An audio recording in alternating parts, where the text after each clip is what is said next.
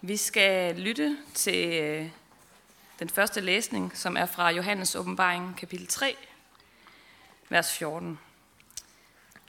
Og skriv til englen for menigheden i Laodikea.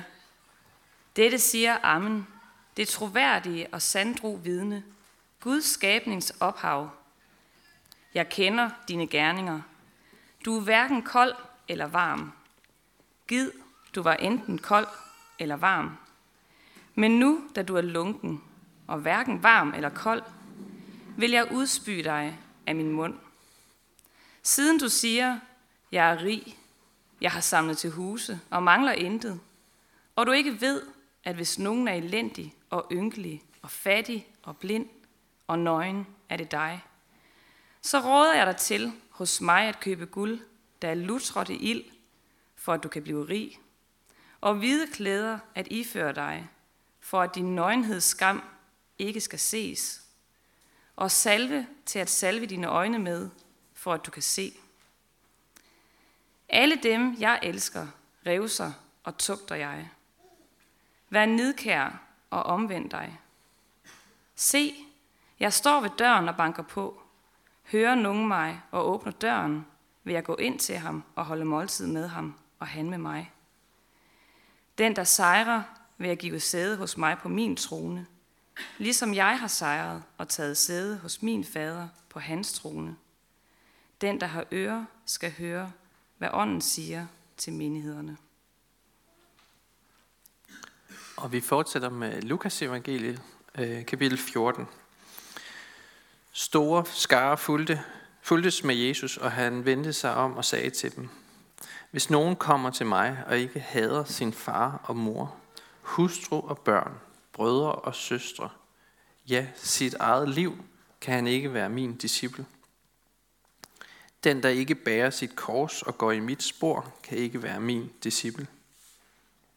Hvis en af jer vil bygge et tårn, sætter han sig så ikke først ned og beregner udgifterne for at se, om han har råd til at gøre det færdigt. For at man ikke skal se ham lægge en sokkel uden at kunne fuldføre det, så alle begynder at håne ham. Og siger, den mand begyndte at bygge, men kunne ikke fuldføre det.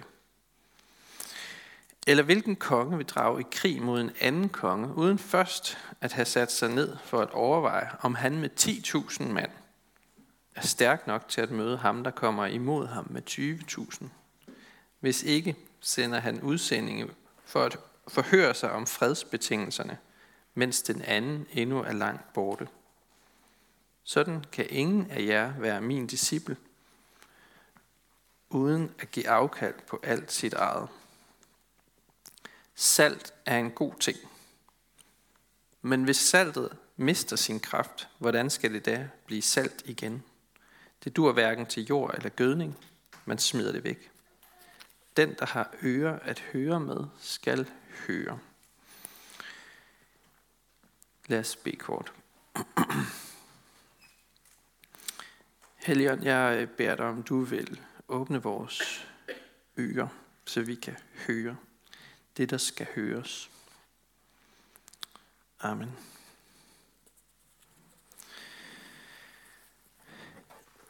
Det sker flere gange om måneden for, os, for de fleste af os. Vi downloader en ny app og accepterer brugerbetingelserne. Eller vi øh, giver vores samtykke til at afgive vores personlige oplysninger.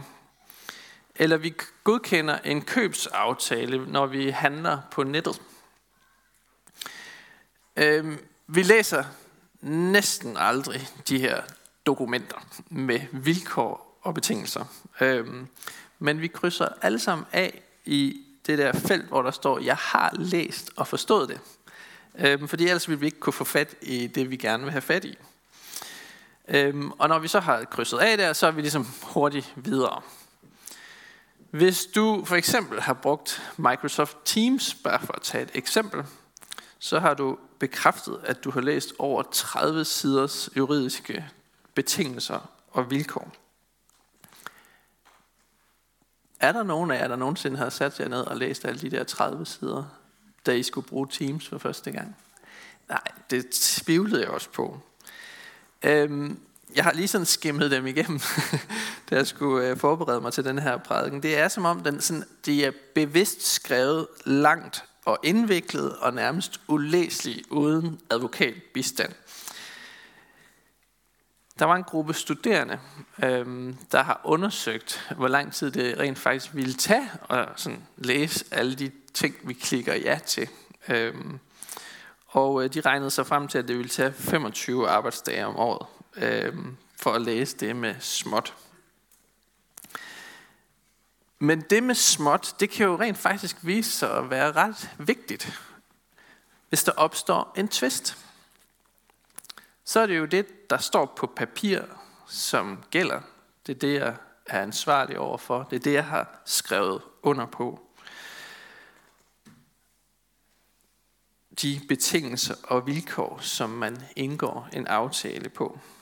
Og når det kommer til dagens evangelium, så er det noget af det samme, der er på spil. Jesus han præsenterer os for efterfølgelsens vilkår og betingelser. Det står ikke med småt, men Jesus han præsenterer det med stor skrift for os alle sammen i dag, så vi ikke er i tvivl. Og budskabet det er, at det har omkostninger at følge Jesus. Det har omkostninger at følge Jesus. Han siger det på sådan en, en lidt barsk måde øh, i dag. Der er, øh, der er en masse mennesker, der har samlet sig om Jesus. En stor skare står der. Og, øh, og de vil gerne have det, som Jesus han kan give dem.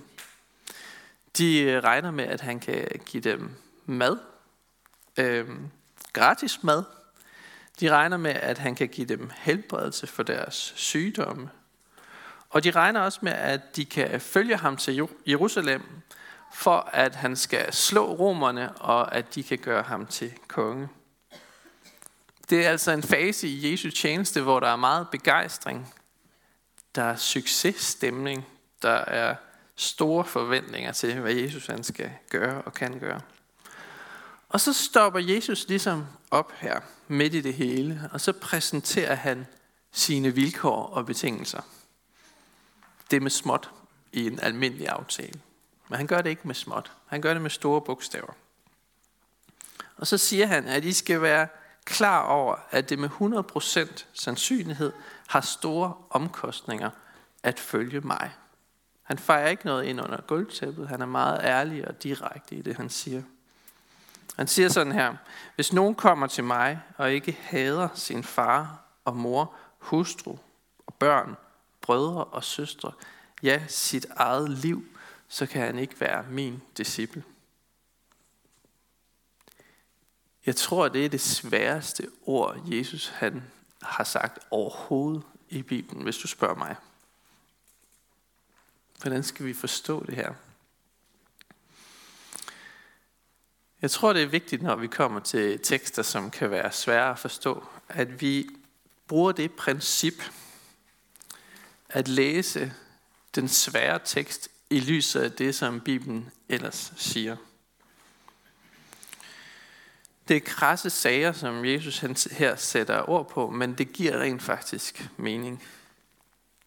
Det er en måde at tale om tingene på, som øh, Jesus han gør brug af en gang imellem, og som kaldes en hyperbol. Det er en overdrivelse, som sætter tingene på spidsen for at drive en vigtig pointe frem. Jesus gør det for eksempel, når han siger på et tidspunkt, at du skal rive dit øje ud, hvis, øhm, hvordan er det, han siger det? Hvis dit øje fører dig til fald, så riv det ud, for du er bedre tjent med at gå ind i himlen uden et øje, end at gå fortabt med begge øjne i behold. Det mener Jesus ikke i bogstavelig forstand, at vi skal rive øjet ud men det er en hyperbol. Det er en overdrivelse, der slår pointen fast. Et andet eksempel er, når Jesus han siger, at hvis disciplene havde en tro som et sennepsfrø, så kunne de sige til et bjerg, at det skal styrte i havet. Det kan selvfølgelig lade sig gøre for Gud, for alt er muligt for ham. Men det er ikke en opfordring til, at disciplene skal gå og flytte bjerge hver dag. Og det samme gør sig gældende i den her passage. det er ikke en opfordring til at hade sin mor eller far, sin ægtefælle, sine børn, sine brødre, sine søstre eller sig selv. Nej, tværtimod, så er vi kaldet til at elske både vores næste, men også os selv. Og Bibelen siger det igen og igen. Så det må altså betyde noget andet. Det er en retorisk talemåde, der skal hamre en pointe fast med syvtommer søm. At hvis valget stod mellem at følge kærligheden til sin egen familie og kærligheden til sig, til sig selv, over for kærligheden om at følge Jesus, så er der kun et rigtigt valg, hvis du vil være en disciple af Jesus, og det er at følge ham. Han gør krav på at have førstepladsen i vores liv. Der er ikke noget, der ligesom kan være over Jesus eller ved siden af Jesus i, i, i den her verden. Og det er måske også derfor, vi, vi bliver sådan lidt forvirret, når vi får spørgsmålet, er du meget kristen, eller er du lidt kristen? Fordi vi, vi er det med det hele. Vi er det med hele os. Så det er det, der er tanken i det, Jesus han siger. Det er ikke en opfordring til at hade, men det er en opfordring til at elske Jesus over alt andet. Og give ham førstepladsen i vores liv. Jesus han øh, fortsætter så med at forklare de her vilkår og betingelser for efterfølgelsen. Han siger, at den, der ikke bærer sit kors og går i mit spor, kan ikke være min disciple. Og senere siger han, sådan kan ingen af jer være min disciple, uden at give afkald på alt sit eget. Så tre gange får han øh, sagt, at vi kan ikke være hans disciple, hvis vi ikke er villige til at opgive noget. Og hvad er det, vi skal opgive? Jo, det er dybest set os selv. Vi bliver nødt til at opgive, at vi selv vil klare det med Gud. Og vi bliver nødt til at overlade det til ham og sige, Gud, det magter jeg ikke. Det er din bane. Vi har brug for dig. Vi har brug for at lægge det over til dig. Vi må lægge vores eget liv ned. Vores egne præstationer. Vores egne ambitioner. Vores egne planer. Vi må lægge det ned for Gud. Det er det, det handler om her. Som kristne, så må vores egne behov og lyster og ønsker og planer træde i baggrunden. Jesus han siger det sådan her et sted. Den, der mister sit liv, skal vinde sit liv.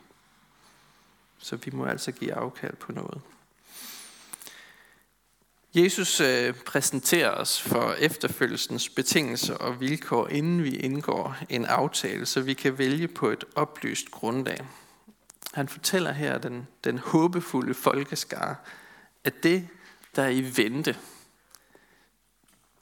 det er ikke bare sejr og succes, men det er rent faktisk lidelse og død.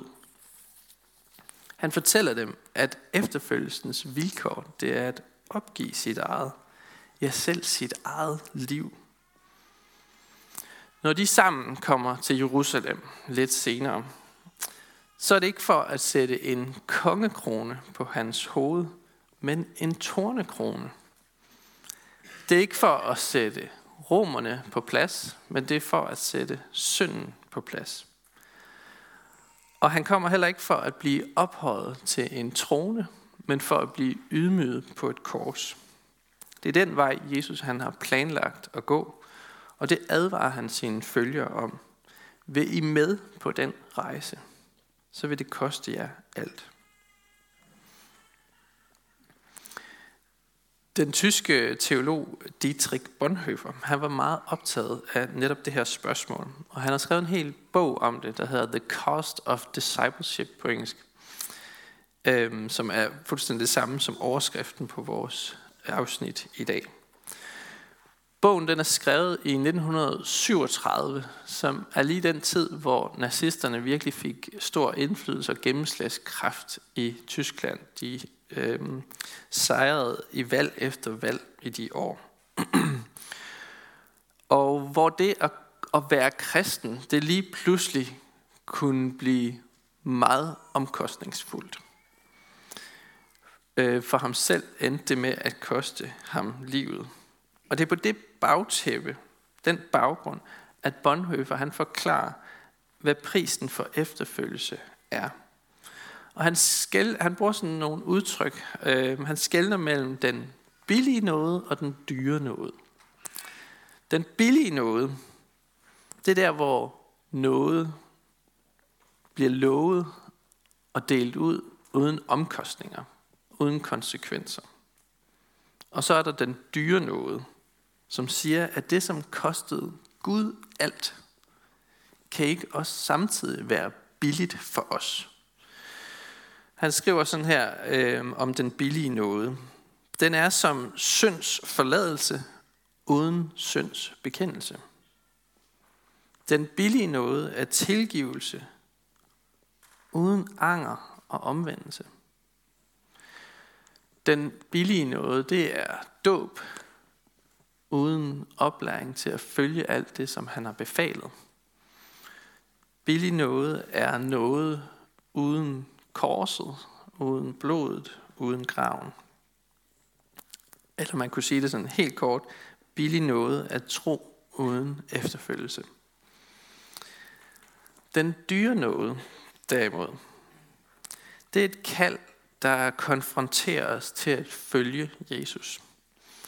Det kommer til os som et ord om søndernes forladelse, til den brudte, til den nedbrøde, til den, hvis hjerte er knust.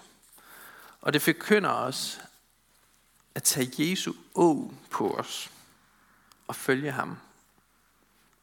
Og det lyder hårdt, det lyder svært, men Jesus han siger, at det her å, det er et særligt, særligt å. Det er et godt å, og det er en byrde, der er let, siger han. Den dyre nåde forkynder os friheden i at tage Jesu kors op og vandre sammen med ham.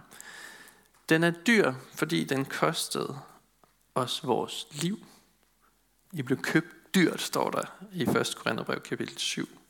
Vi blev købt dyrt. Prisen for os var høj. Og den er noget, fordi den dermed skænker os livet. Det er igennem det at give afkald på sit liv, at vi får livet og friheden. Fordi noget, det betyder nemlig ikke, at synden er ligegyldig. Tilgivelse er ikke det samme som at tillade synden. Evangeliet det er ikke en dispensation fra lydighed imod Kristus, så vi ikke længere behøver at tage vores kors op. Nej, tværtimod.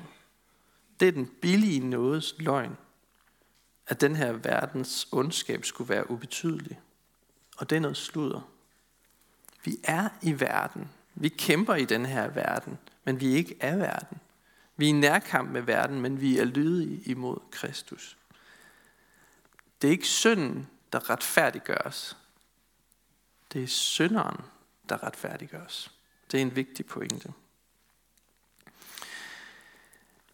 Jesu øh, vilkår og betingelser er som sagt ikke skrevet med småt, øhm, for han forkynder det åbent og ærligt. Øhm, han vil skænke os frelsen af noget og uden betingelser. Men det får store omkostninger for os, for det kræver, at vi lægger vores liv i hans hænder.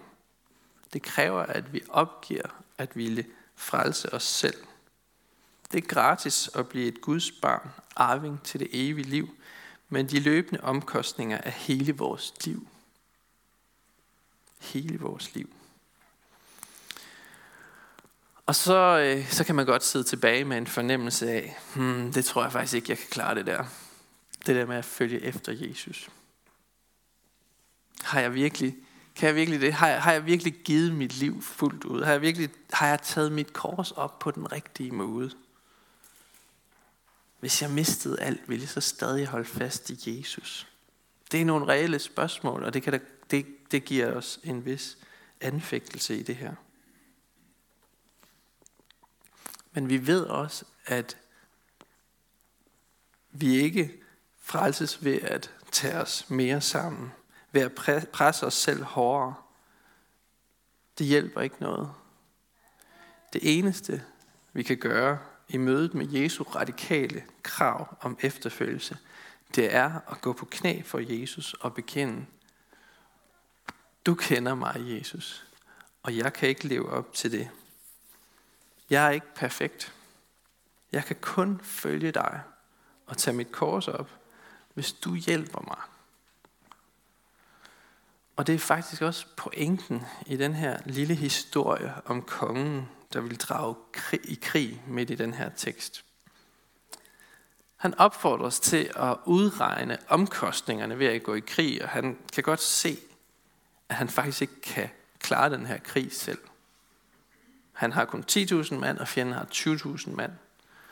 Og derfor opfordres han til at udsende nogle øh, diplomater til at forhøre sig om fredsbetingelserne.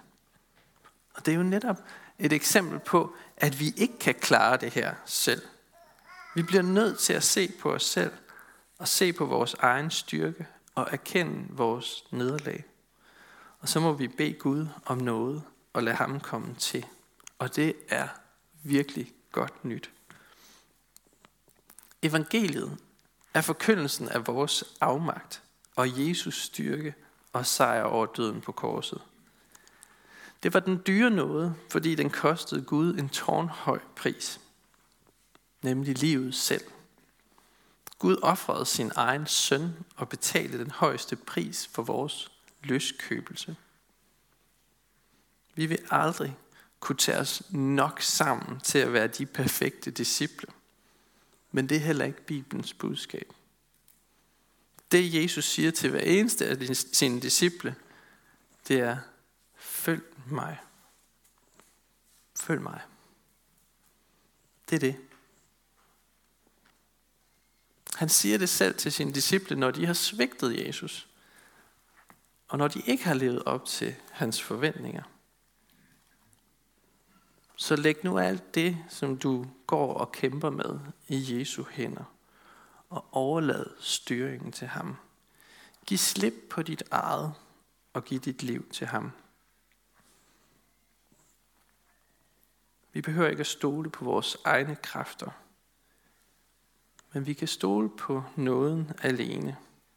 Fordi der findes en anden vej, og det er Kristus. Kristus alene. Lad os bede sammen. Jesus, vi takker dig for din ubetingede nåde, som kostede dig alt. Vi takker dig for din kærlighed til os, selv når vi svigter. Giv os din kraft til at tage vores kors op og følge i dine fodspor. For i vores egen kraft kan vi ikke tage et skridt i den rigtige retning. Vi takker dig for menigheden og beder dig styrke os i indbyrdes kærlighed og udruste os med nådegaver til fælles gavn og opbyggelse og lær os at række ud over egne behov. Vi beder dig for menighedens børn, både de fødte og de ufødte. Beskyt du dem og lad dem få lov til at vokse op i troen på dig. Vi beder dig for ægteskabet og dem, der lever alene. Giv os din kraft til at leve efter din vilje. Vi beder dig for skærn, by og omegn, at du, Jesus, må blive kendt, troet, elsket og efterfulgt. Vi beder for Nils Jørgen Fogh, menighedens vejleder, at du må styrke ham i hans arbejde og holde os alle fast på Bibelens grund. Vi beder dig om, at du vil være nær hos alle, der er ramt af sorg, sygdom og lidelse. Giv os mod til at være til stede og visdom til at lindre smerten hos hinanden. Hør os, når vi i stillhed hver især beder for en, vi kender.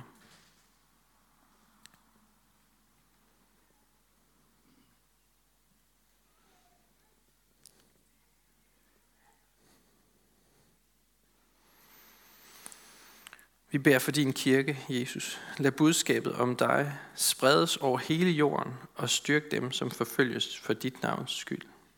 Vi beder dig for vores folk, for alle, der er blevet betroet magt og autoritet. Hjælp dem og os til at værne hinanden mod uret og vold, og kom så snart og gør alting nyt. Amen.